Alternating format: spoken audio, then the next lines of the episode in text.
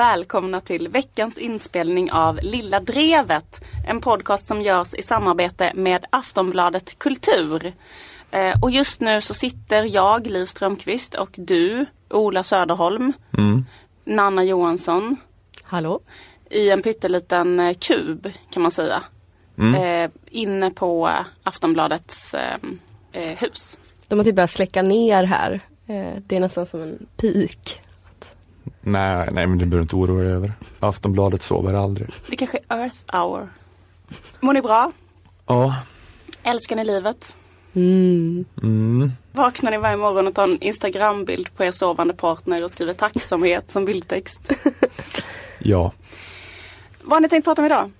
Jag tänkte prata eh, om eh, Ryssland, Rysslands grejen. Vi har inte riktigt tagit den pucken ännu. Nej. Men jag får, ja, jag får kliva in nu helt Mm. enkelt. Bra. Härligt. Vad ska du prata om Anna? Eh, Jag ska prata om en dokumentär. Vad spännande. Mm. Ryssland och en dokumentär. Mm. Vi måste Eh. sluta med det här puffa framåt och vi berättar om vi ska prata om senare i avsnitten. Det har, ald- Um. det har aldrig blivit bra. Inte en enda gång. Ni måste börja liksom hitta på sådana rubriker som Upworthy och sådana gör som är så här. Ni kommer att dö tre minuter in i mitt. Ni kommer aldrig tro vad som händer Mm. efter tre minuter i mitt inslag om Ryssland. Eller så här, tio saker en tjej gör fel i sängen. Ja men eh, det är verkligen... Nummer tio kommer att blow you away. ja, men vi, är, Nummer tio kommer lära dig någonting om livet som du inte hade en jävla aning om. Den grejen. Och vi som inte är värdiga att jobba för Aftonbladet egentligen. För att här excellerar de ju den sporten och får alla att klicka på en artikel med någon slags rubrik. Ja, men efter Men- men i- i- in i- i Olas Rysslandsprata så kommer du att Ja, men hade, hade, gråta och tänka jag visste inte att mänsklig godhet fanns på det här sättet. ja, något sånt. Ja, men för, för det jag sa innan hade min Rysslandsprata varit en Aftonbladet.se artikel hade ingen klickat på den med den rubriken jag satte tidigare. Jag tänkte, om någon är intresserad av mig i den här jävla podden så är det så att jag tänkte prata lite grann om eh, Filippa Desiree Amanda Kay Reinfeldt. K? Mm. K-A-Y? Yes, hon heter så. Men inte konstigt med det. Hon Nej. är bara en vanlig tjej som heter Filippa Desiree Amanda Kay. Ehm, Men är det ett har- efternamn eller är det ett mellannamn? komma med än det här. Är det ett efternamn eller är det ett mellannamn? Ehm, jag tror att det är ett mellannamn. Skit i det. Många har under den senaste veckan gjort ett Facebook-test som heter Är du privilegierad? Har ni sett det? Nej, Nej. Har ni inte? nej. Konstigt. Alla mina Facebook-vänner har gjort ett test som heter Är du privilegierad? Och sen så kan man liksom visa resultatet då. Okej. Man får då svara på olika frågor. Och eh, utifrån svaren kan man då få reda på om man är privilegierad eller ganska privilegierad eller om man inte är privilege- privilegierad alls. Aha. Ja, det verkar ju klargörande. Vad är det för typ av frågor? Ja men det är liksom, ja, oavsett vad det är för frågor så kanske det är typ inte riktigt sant, alltså resultatet inte är privilegierad alls. För liksom bara det att man har tid att göra ett Facebook-test på arbetstid säger att man kanske inte är allra längst ner på den globala hierarkin. Man har ju el exempelvis. Mhm. Man sitter inte och syr H&M's vårkollektion i en brandfarlig fabrik i Bangladesh. Men man kanske sitter på biblioteket vid en dator för att man inte har något hem och det är det enda varma stället man har tillgång Just till. det, man kanske har suttit och tiggt ihop pengar utanför Lidl eh, och sen har man tagit de kronorna och gått till ett internetcafé. Kommit in där för att försökt göra Facebook-testet, är du privilegierad? Kommit fram till resultatet, du är inte privilegierad alls. Mm. Då vet man det. Är det en av frågorna, är du en tiggare på ett internetcafé? Jag tänker att det skulle kunna räcka bara en fråga som var så här, kan du sitta och göra det här Facebook-testet och känna att det känns lite avslappnat? Ja, då är du privilegierad. Men är det som med det här sambotestet, att då var det fastighetsbyrån, ett mäklarföretag som låg bakom? Är det liksom något företag som ligger bakom det här också? Nej, jag Nej. tror att det bara är så här. Ehm, en sån eh, människovänlig PR-firma kanske, något sånt där. Du vet vad som finns nu för tiden. Eh, men Bara, man- bara av ren liksom eh, filantropi har Ja. vi konstruerat det här testet Mm, det tror jag. för att eh, roa oss. Var det så att folk höll på och jämförde då sina resultat? Ja eller? men det kanske handlar om att så här lära sig att liksom inse sina egna privilegier kanske. Så det kanske är någon slags upp, lite, lite upp eh, medvetandegörande ambition kan jag tänka mig ändå. Att det är så här, Du kanske inte tror att du är privilegierad men jämfört med de här, de här, bla bla. Är det, är det någonting som reklamare gör efter att de liksom har gjort någon eh, reklamkampanj för Shell eller någonting. så för att så här, washa sig själva, göra en sån här sak då bara för mänskligheten Mm. efter det. Hur som helst, jag blev i alla fall eh, lite inspirerad att göra ett eget sånt här Är du privilegierad test som jag tänkte göra på er. Spännande. Mm. Ni får svara ja eller nej. Och ni får ett poäng för varje ja. Oj. Mm. Fråga ett. Brukar du känna dig avslappnad när du stjäl? Alltså typ så här. Folk kommer inte direkt att misstänka mig. I en affär, typ. Det var länge sedan jag stal på det sättet. Men när du gjorde det? Eh, jag vet inte, jag, jag tror jag mest gjort det när jag varit väldigt full. Att Ja, jag, alltså, jag typ- hade en period där jag snattade på fyllan, kommer jag ihåg när jag kanske var yngre. Men eh, då tror jag, nej, jag vet inte, jag tror jag känner mig ganska avslappnad då. Jag, brukar, jag har varit väldigt nervös när jag åkt tåg utan biljett. Ja, Mm. Då, då har jag tänkt att de ser, de ser det på mig. Eh, Jag eh, har ju mest snattat när jag var väldigt ung och väldigt mycket av grupptryck så jag var svinnervös. Okej. För, ja. Liv gör anteckningar. Du har lite tid. Brukar du känna dig avslappnad när du går omkring med knark på dig? Typ så här.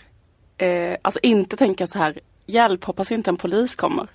Utan mer tänkt så här. Här går jag och manifesterar en fritt tänkande personlighet. Eh, ja men det är det senare alternativet. Jag brukar väldigt sällan gå omkring med knark på mig. Du behöver inte försöka verka präktig nu i den här podden. Skulle du kunna vikariera i popbandet Kent utan att någon direkt skulle reagera? Ja. Va? Nej, Det skulle du tjej, inte. Jag är tjej. Ja men jag tänkte just det. Jag tänkte att du skulle få ändå liksom lite media om du började spela bas på deras, den festivalen de ska göra nu. Om det skulle vara så här, det är en festival, alltså de andra, alla kommer dit och sen, sen så är du med i bandet. Skulle inte bara höja lite, men det kanske inte skulle göra. Jag tror inte att jag, man- jag skulle inte heller kunna vikariera i Kent. Jo, Det är klart du skulle kunna göra klart det. du skulle. Nej. Du skulle kunna byta ut vem som helst förutom Jocke Berg mot dig. Ingen skulle reagera, ingen vet hur någon annan ser ut. Man ser väl att jag inte är en sån sursyntare från Eskilstuna. Jag tänker ge dig ett poäng. Är ser att, att jag har lite skönare stil. Du ser väl alla. Om du skulle gradera de största problemen i ditt liv, skulle punkten Något känns lite osoft med min podd vara högt upp på listan? Ja, verkligen. Verkligen. Ett poäng. Ja, Plats ett, jag två, tre och fyra. Högre upp än jag har inte mat för dagen. Ja. Fråga fem. Har en Sverigevän någon gång uttryckt någon form av sexuellt intresse för dig? Ja, Bra, privilegium. Är det Eh. ett privilegium? Ja, men jag tänker att det är ett tecken på att man är arisk. Det räcker inte att, alltså det, det räcker att det, liksom, det behöver inte vara liksom jättetydligt. Det räcker med bara en jättesvag vibb. Att man bara känner så här att den här Sverigevännen skulle varit på liksom. Man skulle Men själv. det, men det kan väl ändå, det behöver väl inte vara... Man känner underliggande vibration. Ja fast jag tänker att en Sverigevän kan väl kanske känna någon så här, äh, att den vill straffknulla en eller någonting. För att man är en vänstermänniska liksom. Äcklig vänstermänniska. Um, ska jag ett att- halvt poäng? jag tänker att du behöver inte betyda att man tillhör privilegierade grupper. fick jag ett halvt nu? Nej, det fick ju ett, det fick ett. För det tänker jag är liksom, eh, alltså det, det här tecknet, eller det tycker jag liksom är ett tecken på att man eh, skulle ändå klara sig efter eh, det sverigedemokratiska maktövertaget, eller Fast fascistiska. man, skulle, man står kanske på deras kommunistlista. Den, men Ja, men man skulle ändå kunna kanske byta åsikt och bli alltså, på ett annat sätt än eh, någon med en annan hudfärg, eller? Man är, man skulle kunna säga så här. eh, jag ångrar mig. Ja. Eh, Vad, vad dumt det var att jag tyckte sådär. Jag tycker såklart som ni. Ja, men ja, man, precis. det, ja precis, man har inget, man har inget rent eh, fysiskt liksom Nej. hinder. Sista frågan. Heter du Filippa Desiree Amanda Key i förnamn? Nej. Nej. Um, Okej, eh, tack för det här. Det vi kom fram till var att Ola var då betydligt mycket mer privilegierad än Anna. En, två, tre, fyra, fem poäng mot ett och ett halvt. Var det fem av sju eller? Eller hur många frågor var det? Alltså jag kommer inte riktigt ihåg för jag är lite full.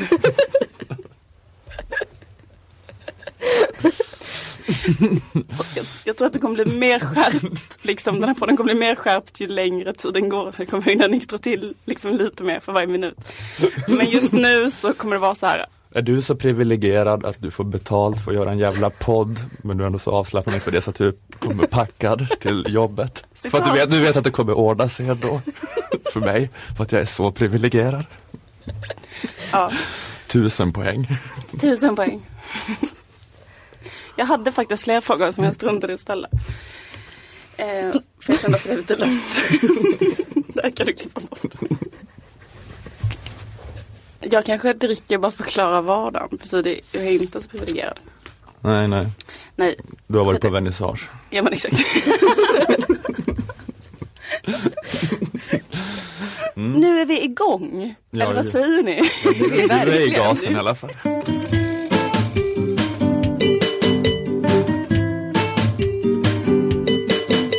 Ja, Ryssland håller på i Ukraina.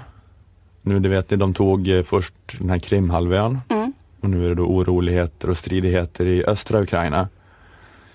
Eh, Och den här taktiken som Putin och Ryssland tillämpar kallas eh, salami-taktik. M- Varför det? Känner ni till salami-taktik? Att det bara är jävligt äckligt. Jag känner typ inte ens till salami så bra. Det är korv med ingredienser i. Ja, det är väl en ganska kryddig Det, korv. ja, man har kanske lite Det är vitlök. Det osmakligt. Det kallades, luktar illa när någon Och ätit det det. är precis som Putins politik.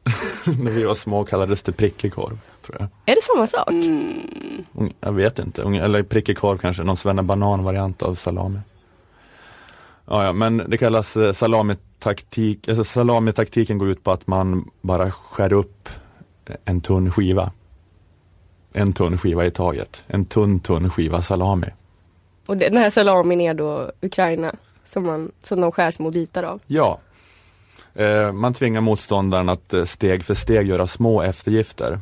Eh, och var för sig känns de här eftergifterna, de här då tunna skivorna, inte så farliga.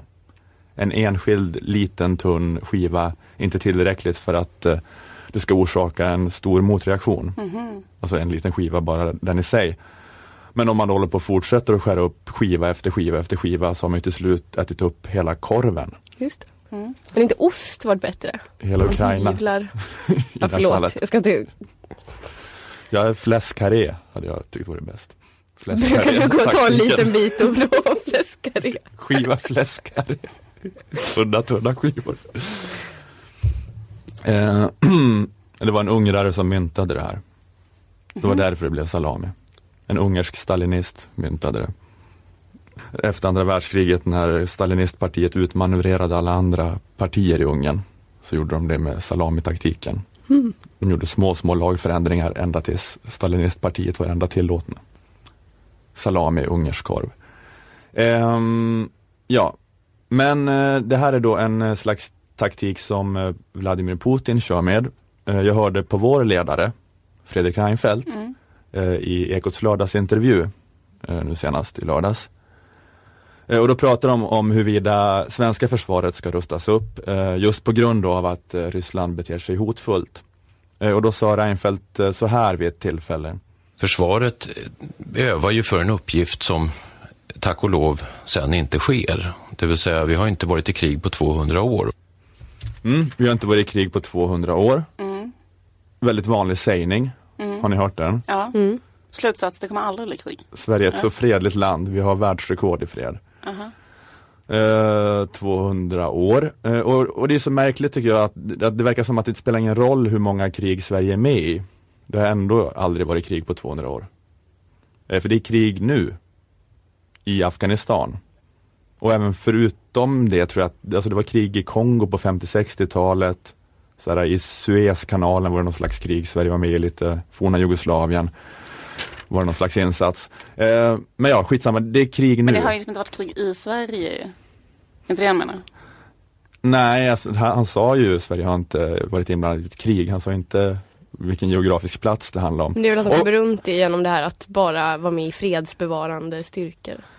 Ja, precis, men ja, det är ju väldigt Det är ju bara en formulering, man Mm. krigar ju ändå. Eh, och också i och för sig krig i Sverige, det här kriget för 200 år sedan som det alltid åsyftas var ju inte heller ett krig i Sverige, det var ett krig i Norge. Sverige invaderade Norge.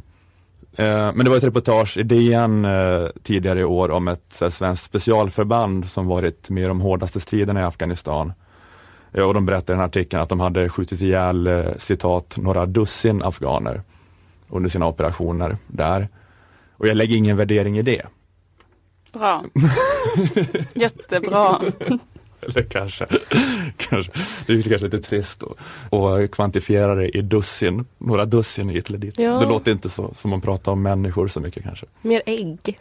Nej men, det, jag, men jag vet inte, men, ja, men jag menar att det kanske är så att eh, talibaner hela tiden anfaller en flickskola. Och så står eh, liksom eh, svenska soldater i en ring runt flickskolan och försvarar den. Som Jan Björklund säger att det är, det vet vi det kanske är så. Men oavsett hur det är så är det ju krig. Det måste väl vara krig, eller hur? Eh, och, det, eller, och det är så konstigt att så här, ha en armé som är inblandad i eldstrider där det dör några dussin och samtidigt skryta om att man inte varit i krig på 200 år. Alltså framstår man inte lite grann som en idiot inför sin omgivning då? Eh, tydligen inte. Bara inför dig. för du sitter och läser det här och kommer ihåg det.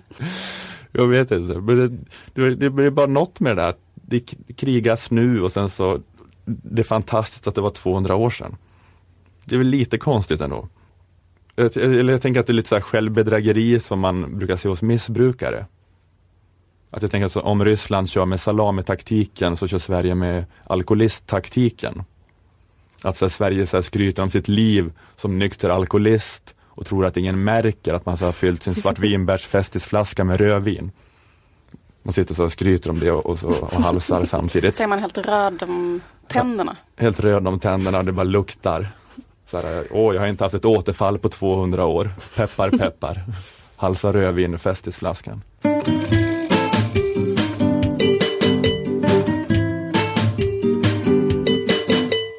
Den här podden görs ju eh, i samarbete med Aftonbladet Kultur men också i samarbete med Akademikernas A-kassa. Som är, vad är egentligen en a-kassa? Räck Eh, upp handen snälla innan du... jag bara tar ordet nu. Ja, men Men det, det, är ju en, det är en försäkring som gör att man eh, får pengar om man skulle vara utan jobb under en period. Eh. Och gå med i just Akademikernas a-kassa kostar 90 kronor i månaden och man kan då få upp till 15 000 kronor i månaden när man är arbetslös. Eh, Så ja, vi vill väldigt gärna att ni går med i a-kassan. Ni behöver inte gå med i Akademikernas just. Det är någonting Akademikernas hälsar att det spelar ingen roll för dem vilken a-kassa ni är med i. Man kan gå med till exempel i din favorit a-kassa, Syndikalisternas a-kassa. Mm. Men är man då akademiker så är Akademikernas a-kassa ett bra alternativ. Just det, det ska jag säga att eh, de har en ny eh, hemsidaadress. Vi, vi brukar ju tipsa om aea.se men nu Mm. funkar akademikernas.se också. Härligt. Lite mera självklar, lättare att komma ihåg kanske. Ja just det, och om man har gått med i a-kassan så kan man eh, skriva det på sociala medier.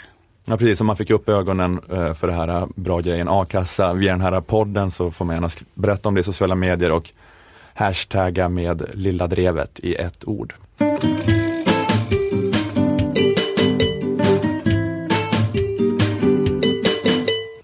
Eh, jag kollade på dokumentären Pappas unga fru på SVT Play. Har ni sett den? Ja, Jag har inte gjort det, men det handlar om en eh, äldre svensk man som Nej, det är en eh, eh, kanadensisk eh, 73-åring Ah. som reser till Filippinerna och gifter sig med en tjej som eh, han först hävdar är 23 men som sen, spoilervarning, eh, visar sig vara 17 år. Mhm. Mm. Eh, jag tänkte faktiskt när jag skulle kolla på det här att jag skulle det göra var, det. var det. inte jag som gjorde den här visslingen. Nej. jag jag Det var det som var frågan. vissling. Eh, jag tänkte att jag skulle se den här dokumentären utan att döma. Eh, för det fanns ju en mikroskopisk möjlighet att det här faktiskt var äkta kärlek. Att det skulle vara en sån dokumentärernas svar på en romcom som man ser med ett leende på läpparna och en sån varm känsla i magen. Pratar du verkligen Eh. sanning nu? Nej. Men eh, vi fortsätter låtsas. Att hela åldersskillnaden bara skulle vara så charmig ingrediens som båda skrattar åt. Tror ni jag klarade av att se den här dokumentären utan att döma? Nej, det tror jag Nej. inte. Nej, självklart inte.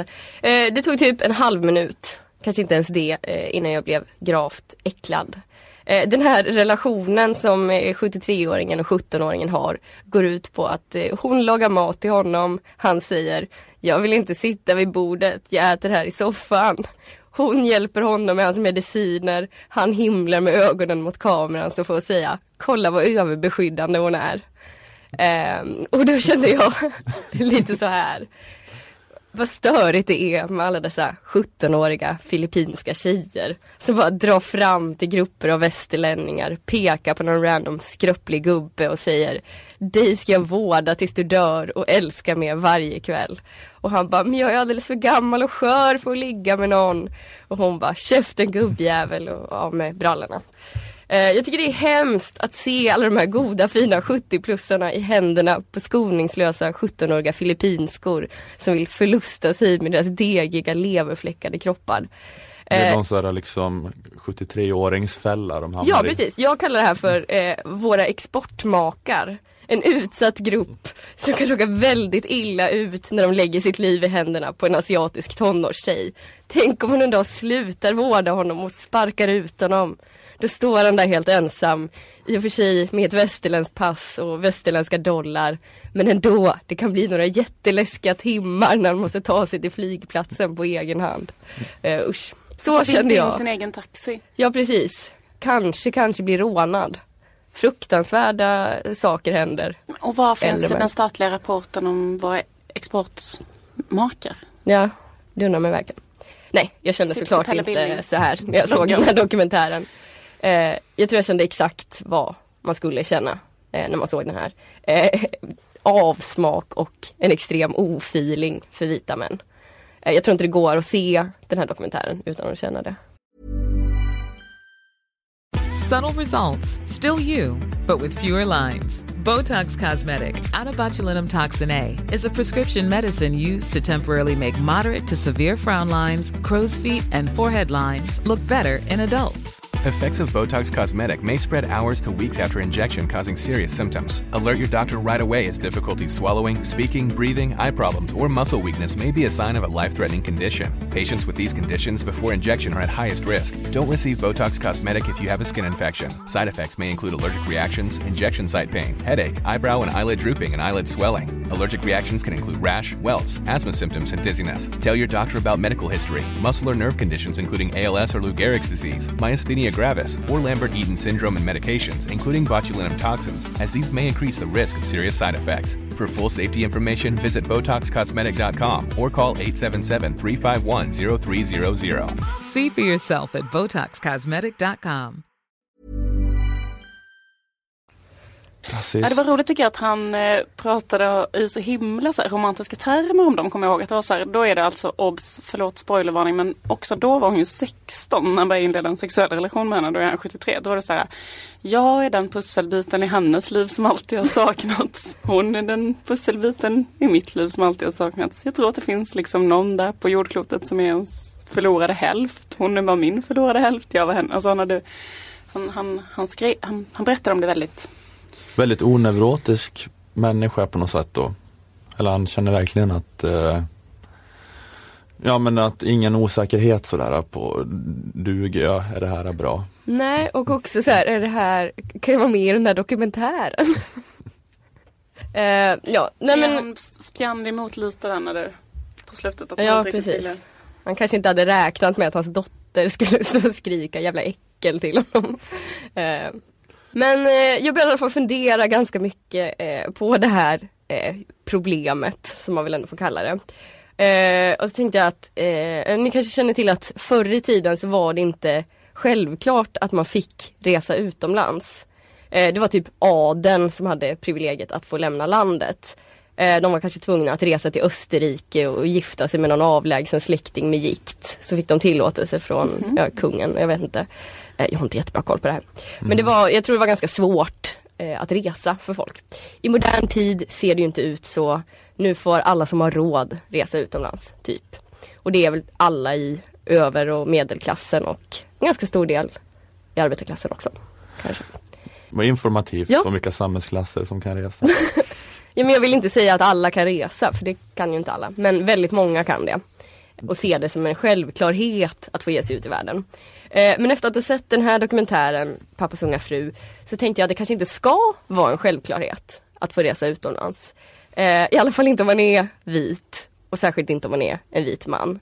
För vi ser ju hur det går när vita människor ger sig ut i världen. De skaffar sig en 17-årig filippinsk flickbrud eller åker till Gambia och betalar någon fattig svart man. Eh, får ligga med honom eller gå på bordell eller whatever. Men det är väl inte alla vita män som gör det. Nej. Vissa åker bara till England och kollar en fotbollsmatch och åker hem.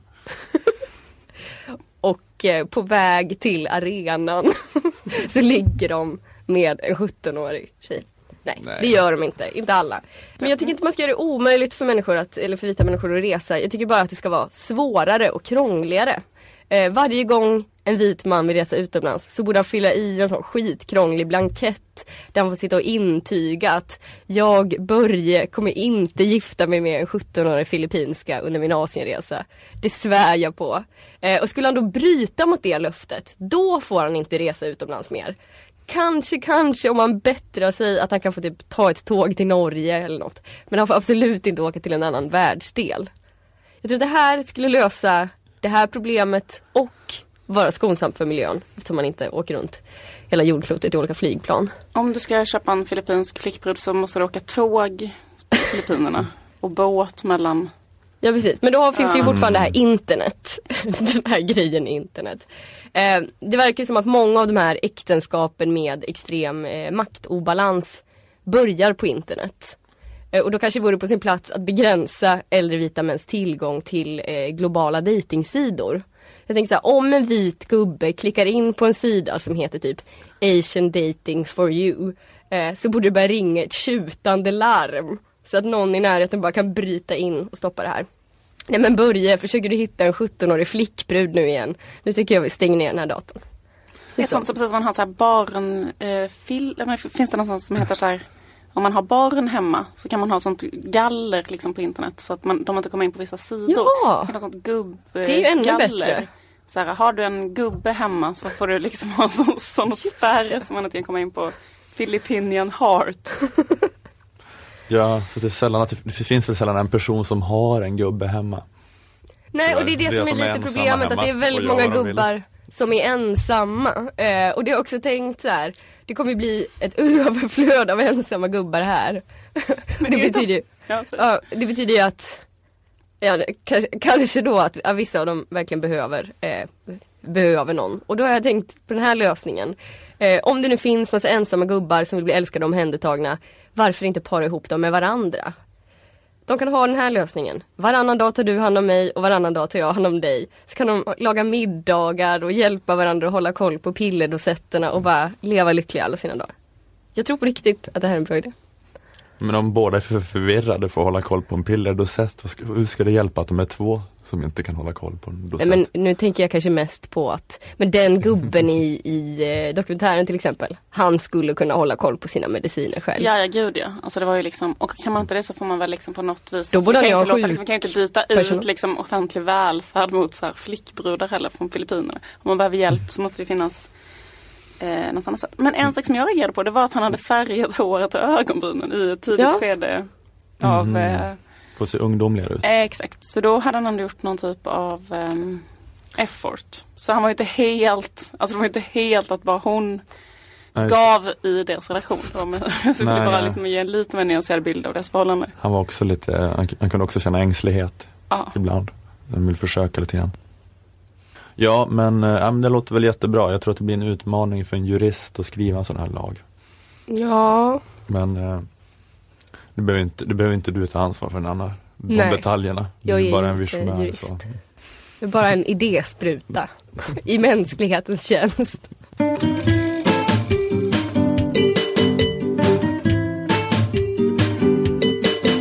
Många har reagerat eh, över en intervju med Filippa Reinfeldt som var i DN nu i veckan. Mm. Har ni läst den? Jag läste eh, en tredjedel av den innan jag slutade läsa. Ja, Jag har faktiskt inte läst den. det var många sådana här eh, formuleringar. Filippa Reinfeldt ser glamorös ut till och med i den gula reflexväst och de stålhättekängor som byggarbetsplatsens säkerhetsföreskrifter kräver. Hon var nämligen på en byggarbetsplats och fick ha på sig förfulande kläder. Men hon var tillräckligt snygg för att även det skulle hennes snygghet sken igenom skyddskläderna. Ja, alltså, ja precis. Vara glamorös i en sån gul väst eh, verkar svårt liksom. Örhängena dansar under hjälmen. Hennes välsminkade ögon glittrar bakom skyddsbrillorna i plast. Och även så här, Filippa Reinfeldt lyssnar uppmärksamt, ifrågasätter intresserat. Hon tycks vara immun mot smyggäspningar och koncentrationssvackor. Blir hon aldrig trött på människor? Svaret är övertygande, direkt och glasklart. Nej, det blir jag inte. Här har då artikelförfattaren Anna Bodin inte nöjt sig med att bara så svälja allt som Filippa Reinfeldt säger rakt av utan eh, som något slags eh, asimponerat galet fan till Filippa Reinfeldt. Utan hon har liksom faktiskt kollat fakta med en andra källa. Och den källan hon använt sig av är citat en person som har tillhört den inre moderata kretsen. Eh, vad säger då den här eh, källan om Filippa Reinfeldts påstående? Den är, inte, att, den är inte namngiven alltså. Nej, det står så här. Någon som vill vara anonym när den ska kommentera Filippa Reinfeldts glamourositet. Ja, det ska handla om det där. Är det verkligen, det kan ju inte bara få stå för sig själv det här att hon aldrig blir trött på människor. Blir Ja, hon det. verkligen aldrig trött på människor? Vi måste fråga någon källa, en läcka från Moderaternas inre krets och kolla så här. Är det verkligen så? Blir hon aldrig trött på människor? Källan säger så här. Det är alldeles sant. Filippa Reinfeldt är utåtriktad och social. Och hon har karisma. Så det var så sant. Mhm. Så det är ju liksom inte bara ett eh, dreglande fanporträtt det här av Filippa Reinfeldt utan det är också gedigen journalistik där man liksom har kollat med flera olika källor och gjort underbyggda Mm. resonemang. Ja, så det tänkte jag i alla fall absolut inte klaga på. För det var väldigt bra skött i artikeln. Men jag tänkte klaga på en annan sak som står i den här artikeln. Och det är liksom den här grejen som har skrivit. De har skrivit så här. Fredrik och Filippa Reinfeldt symboliserade powerparet som hade allt. Sveriges Kennedys. Alltså de jämför då här Mhm. det är väl liksom inte en, det är väl liksom inte en assopig, alltså det, ja, Fredrik Reinfeldt han skulle vara Sveriges Kennedy. Det kanske är man ändå på något sätt okej då. Det är inte en svinbra liknelse. Men den är väl liksom ändå en liknelse. Borde tycker det vara här, Palme som Sveriges Ja. Det borde varit Palme. Nej, det här var bara ett skämt om att de båda blev skjutna ihjäl. Ja okej. Jag trodde att du satt och var grät, ett roligt och, skämt. så, eh, eh, grät över eh, att uh, sossarna blir kränkta i det.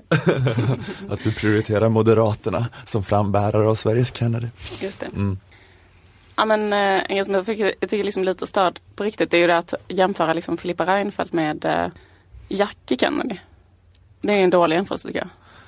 Ja precis, för att Kennedy var ju bröder som var politiker allihopa men eh, ja, det är snarare Clinton då. Ja men Clinton är ju mycket bättre. Ja. För där är liksom för jag tänker Man att och fru som är politiker liksom, ja, men Jackie Kennedy är ju verkligen så här bara en presidentfru. Men Filippa Reinfeldt är ju liksom ett politiskt djur. Liksom Filippa Reinfeldt är ju så här Mm. så fruktansvärt ideologiskt driven och, Jackie Kennedy sålde aldrig en vårdcentral eller hur?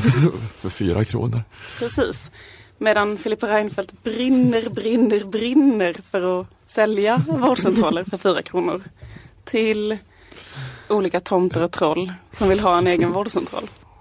Mm. Nej, men jag tycker att om man ska jämföra Filippa Reinfeldt som politiker med någon eh, om man vill hitta liksom en slags ideologisk förebild för henne så är väl en jättebra jämförelse är väl att jämföra henne med, med den här eh, indianen som sålde Manhattan för en näve glaspärlor. Känner till den indianen? Mm, mm, Den här historien har inte hänt på riktigt, det är en sån faktoid. mm. Men det spelar ingen roll. Den är för bra för att kollas den här historien. Historien är så här. Ja men det är ju för att de inte har något, de har ingen koncept om ägande indianer. Så- Så man visste inte riktigt hur man skulle hantera det, man fick hitta på. De påhittade indianerna i den här påhittade historien De hade inget koncept om ägande. Men historien, historien är typ så här. Vita kom till Manhattan och sa, får vi köpa det? Ni kan få de här tre glaspärlorna som jag typ eh, eh, fick av mitt barn som hade gjort den här, det här armbandet på dagis.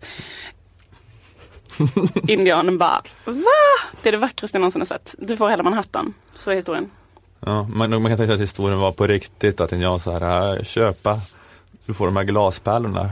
Ja tack, och fina glaspärlor. Och sen så, för att, sen så tänkte de inte på att det, att det var någon slags transaktion. För att de förstod inte begreppet transaktion. Tror du alltså att, att eh, de vita som kom ville liksom göra ett köp? Att de ens så här erbjöd något? Jag tror de bara liksom högg ner den påhittade idealen.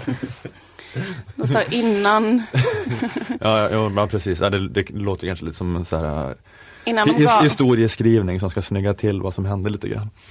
innan de gav dem smittkoppor. Nej men skitsamma, men eh, precis likadant som den här eh, indianen på Manhattan. Så, så hon, Filippa Reinfeldt har ju haft den här indianen som sin ledstjärna när det gäller Stockholms då allmänägda vårdcentraler.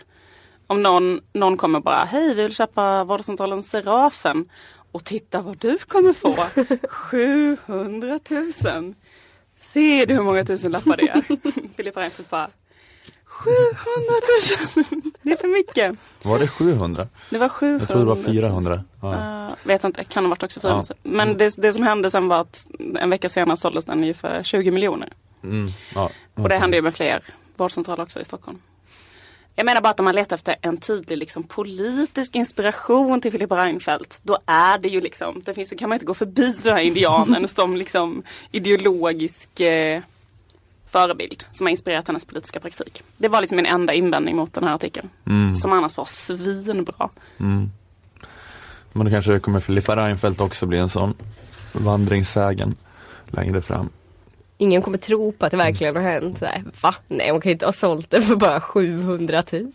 Det måste ha varit att Filippa Reinfeldt inte bara visste, hon hade inget koncept om ägande. Hon var bara så här, Filippa Reinfeldt, ja, precis, man kommer tro Filippa Reinfeldt var någon slags naturfolk. Sen så kom det liksom onda människor och lärde henne om kapitalismen och förstörde henne.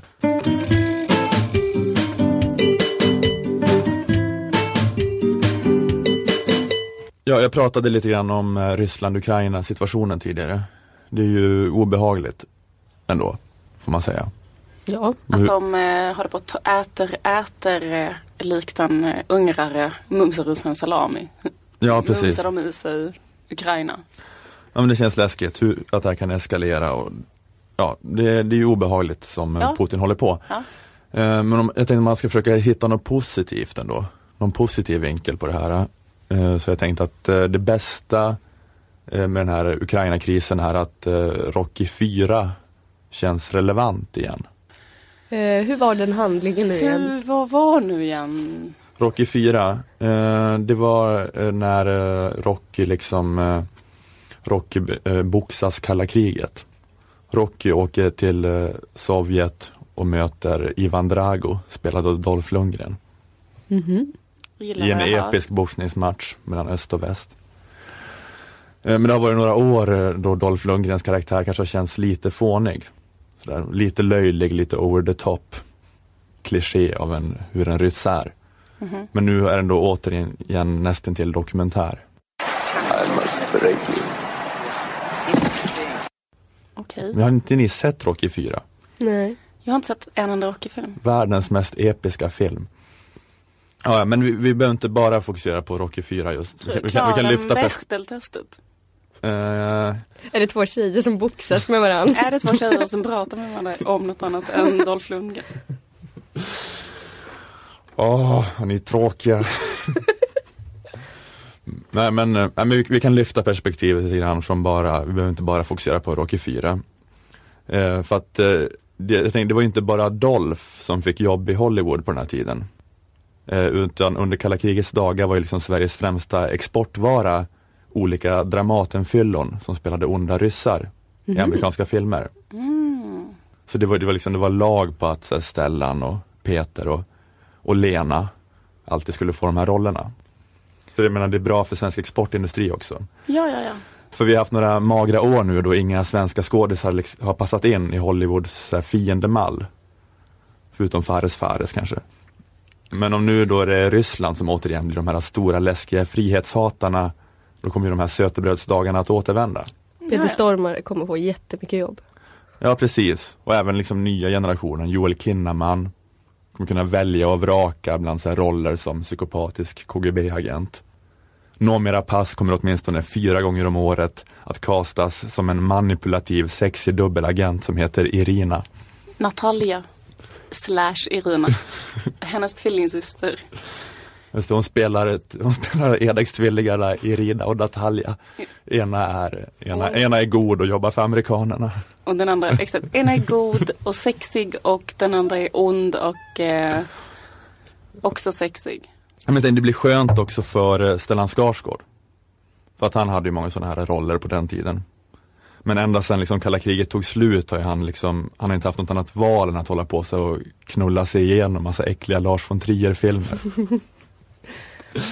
ja, men det, ja, men det har varit jobbiga år för Stellan, men nu kan Det liksom har varit såhär våldta Nicole Kidman i fyra timmar. Jag hörde sådana filmer. Precis. Det kommer så här, Charlotte Gainsbourg kommer liksom och så här, gör någon slags hämnd, hämndkastrerar dig. Du blir könsstympad hela tiden. Men, ja, men nu kan du då återigen bara sätta på sig en Röda armén-uniform liksom, och mumla på låtsasryska och så här, fakturera tio gånger mer.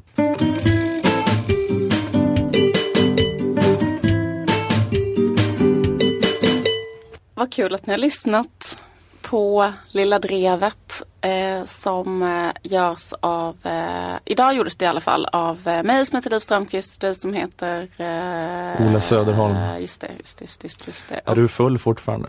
Jag börjar känna mig lite, lite, lite mer eh, skärpt faktiskt. Okej. Hur mycket drack du på vernissaget? Mm, nio öl och eh, nej, det gjorde jag faktiskt inte. Jag var på vernissage och så sa jag så här, jag eh, ska gå och spela in en podd så jag kan inte dricka så himla mycket. Och då skrek alla runt omkring mig så här, Filip och Fredrik är alltid stupfulla men de gör allting. Varför ska du eh, inte göra det då? Vilket lät så jävla bra i mina öron och eh, man, man, man tror bara att Filip och Fredrik är stupfulla. Det är det som är meningen. Det ser eh, enkelt ut, som att de är Fan stupfulla. Men det är, det är för att de är så skickliga på det de gör. De är så bra på att se skönt stupfulla ut men ändå ha kontroll. Så man ska, inte, man ska inte låta sig luras av den skenbara fyllan som de utstrålar hela tiden. mm, Det är svårt egentligen. känner mig ödmjuk. Mm. Det har varit en ödmjukande upplevelse för dig. Mm. Nanna, du var också med och gjorde det. Ja. Nanna Johansson. Mm. Härligt. Eftersom ni är mina bästa vänner. Ska du få ett glas vatten nu? Nu ska vi knuffa in liv i duschen. Eh, Vi hörs igen på fredag, nästa fredag.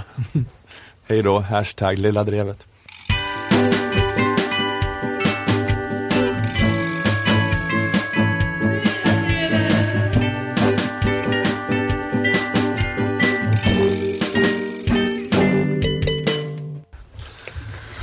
Det kan säga på Mm.